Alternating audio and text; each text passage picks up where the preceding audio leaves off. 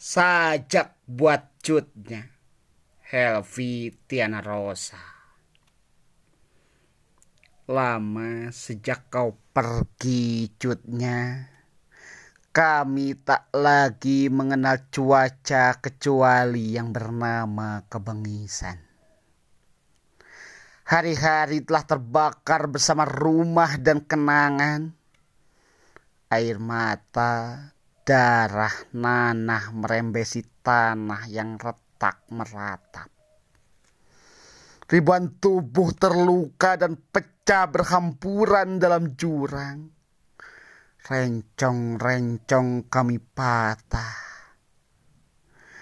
Di mana serambi kita cutnya?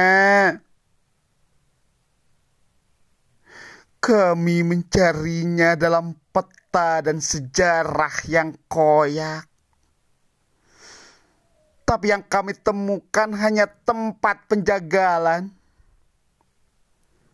Wajah-wajah sepucat mayat menggigil dalam antrian.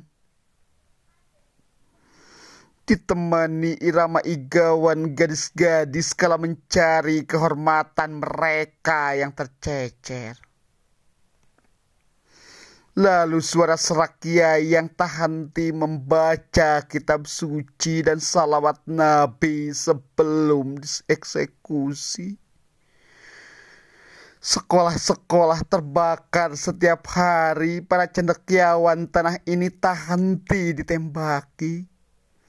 Dan Bayi-bayi yatim piatu mengira tengkorak-tengkorak itu sebagai ayah ibu.